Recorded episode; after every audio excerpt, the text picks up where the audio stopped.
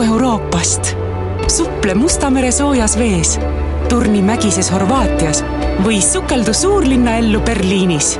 Nordica lennutab su otse viieteistkümnesse sihtkohta üle Euroopa. broneeri pilet nordica.ee Kuku Raadios välja öeldud seisukohad ei pea ühtima Kuku Raadio seisukohtadega. Te kuulate Kuku Raadiot. Eurominutid.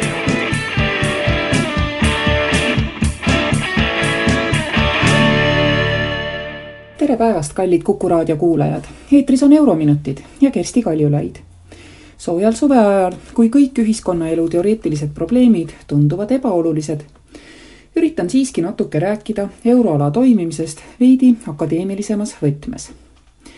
Igapäevaselt kuuleme me ju vaid praktilistest küsimustest, näiteks kuidas luua ühist pangandusjärelevalvet ja kui viimane on loodav, siis millisel moel peaksime sellelt edasi minema ühise hoiuste tagamise fondiga kas Kreeka või mõne teise riigi laenukoormust peaks vähendama et võimaldada neil edasi minna oma vanade vigade taagata ja kas olid need üldse vead. võib-olla peaks kogu euroala ajama vähem konservatiivset eelarvepoliitikat, kui majandus kuidagi kasvama ei taha hakata. Kuid võimalik on vaadata ka nii-öelda vähem praktilisema poole pealt, mis üldse on võimalik Eurotsoonis ja mis põhimõtteliselt seda ei ole keeruliste ühiskondlike protsesside puhul võtavad sotsiaalteadlased tihti appi sellise kujundi nagu võimatu kolmik. läbi selle on natuke lihtsam mõista, miks ilmselgetel probleemidel ei ole peaaegu kunagi ilmselgeid lahendusi.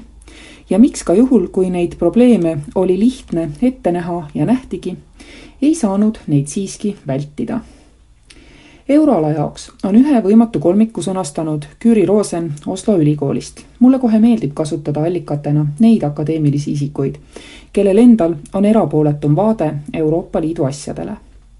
rahaliidu küsimuses küll Norra vaade alates juuni keskpaigast nii erapooletu polegi, kuna nad on sisuliselt otsustanud liituda Euroopa finantsturuga selle hinnaks on Euroopa Liidu finantssektori järelevalve ja kontrollimehhanismide aktsepteerimine aga see selleks. Roseni uurimus on ikkagi välisvaatleja oma, põhinedes küll seespoolsete, see tähendab Euroopa Liidu ametnike ja otsustajate intervjuudel.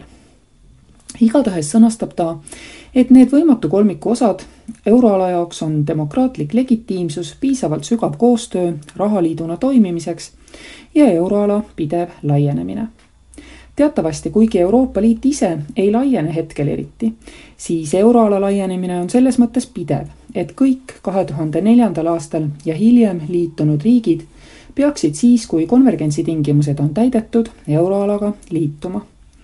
permanentne opt-out on sõnastatud tegelikult ainult Taani ja Suurbritannia jaoks. Rootsi lihtsalt on de facto eemal, kuna referendum liitumiseks andis negatiivse tulemuse aga iseenesest on nemadki samal pulgal Ida-Euroopa riikidega.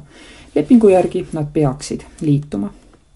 seega väidab uuringu autor, et kuna euroala juhid ja Euroopa Liidu liikmesriigid ajavad taga kõiki kolmiku eesmärke, on raske näha, kuidas nad mõnes osas neid ilma venitamata ja väänamata täita saaksidki kõigepealt euroala sügavus ehk see, kui tihe on euroruumi riikide koostöö neofunktsionalistlik loogika ütleb, et tihenemine on jätkuvuse eeltingimus ja teatud ühinemine viib alati edasi suurema koostööni.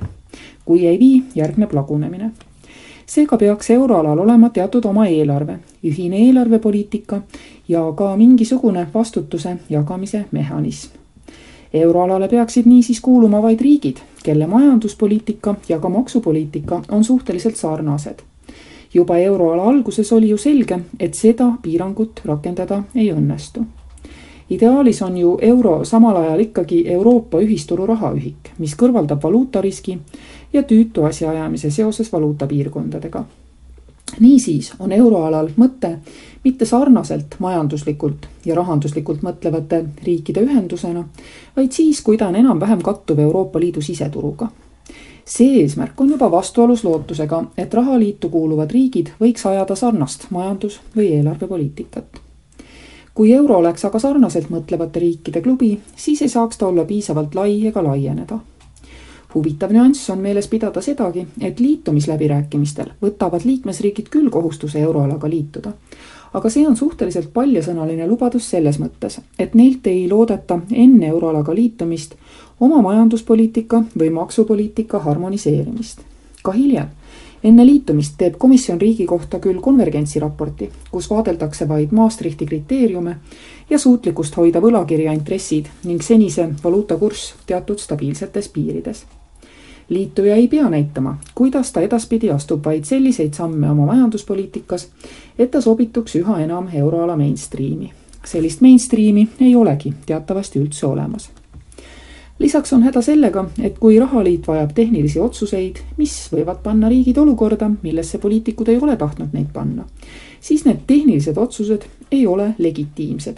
jah, nad legitimiseeritakse parlamentide ja konstitutsioonikohtute kaudu alati ära aga ilmselgelt ei ole suur osa Eurotsooniga seotud otsustest olnud poliitiline tellimus rahvastelt valitsustele. seda tellimust on piisavalt, eurot on mugav kasutada. aga teine pool, selle hind on arusaamatu, sest seda ei ole olnud Eurotsooni liitudes mõistlik rahvale seletada. muidugi lähtudes poliitilisest loogikast kui poliitiline legitiimsus omakorda prioriteediks seada, siis ei ole võimalik saavutada ühtsust, mis muudab Eurotsooni eksisteerimise pikas ajas võimatuks välja arvatud juhul, kui äh, suurema integratsiooniga nõustuvad riigid on valmis koos edasi minema ja harmoniseerima oma poliitikat senisest rohkem ning ülejäänud võivad jääda kõrvale mis tahes etapis. ka siis, kui nende Euroopa lepingus on kohustus euroalaga liituda. lõppude lõpuks euro eelkäijad, katsed hoida valuutakursside kõikumist teatud piirides võimaldasid ka süsteemist lahkumist. tõsi, siis kukkus kokku ka süsteem ise aga ilmselt on mõeldav hoida euroala vaatamata sellele, et sealt käiakse nii sisse kui ka välja, vastavalt valijate tahtele. väljumise barjäär on muidugi alati päris kõrge, oma valuuta asutamine peaks olema väga tugevasti põhjendatud. samas teame, et poliitikud, kes ei põhjenda, vaid lihtsalt teevad, on praegu Euroopas jätkuvalt tõusvas trendis niisiis võib arvata, et sisse- ja väljakäimine või sellega ähvardamine muutuks euroala igapäevaseks osaks mis ei aita jälle kaasa selle raha kujunemisele reservvaluutaks või ka tema stabiilsusele maailma muude suurte suhtes.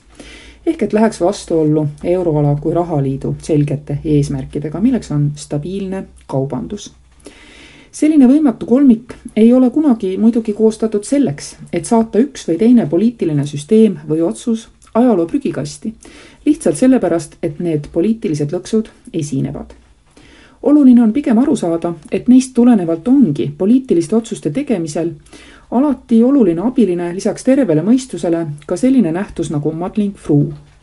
kumbagi terminit ei ole Euroopa lepingutega määratud, kuid mõlemal on Euroopa Liidu püsimises ja arenemises väga oluline roll.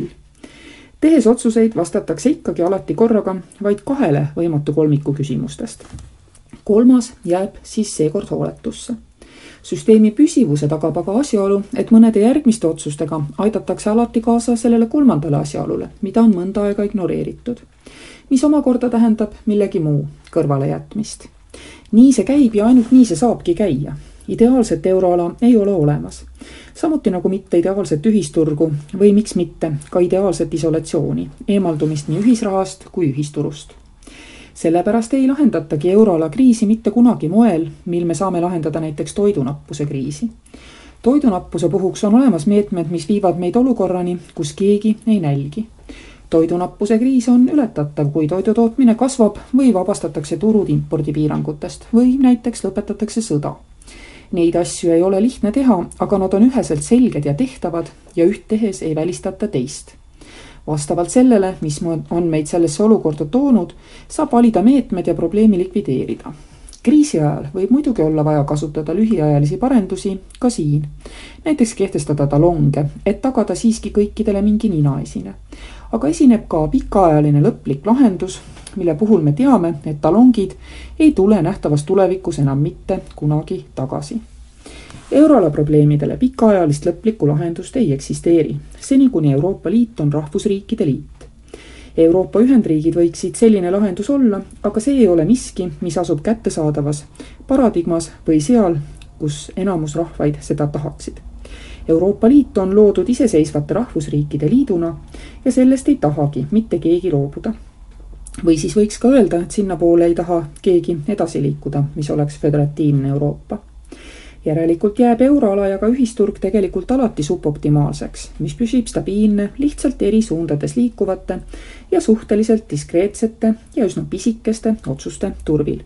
sellega on raske leppida, aga nii see kindlasti on määramatuse talumine on inimese jaoks alati keeruline, aga lihtsate lahenduste põhiline häda on selles, et nad on tavaliselt muudes aspektides veel enam piiramad kui keerulised lahendused.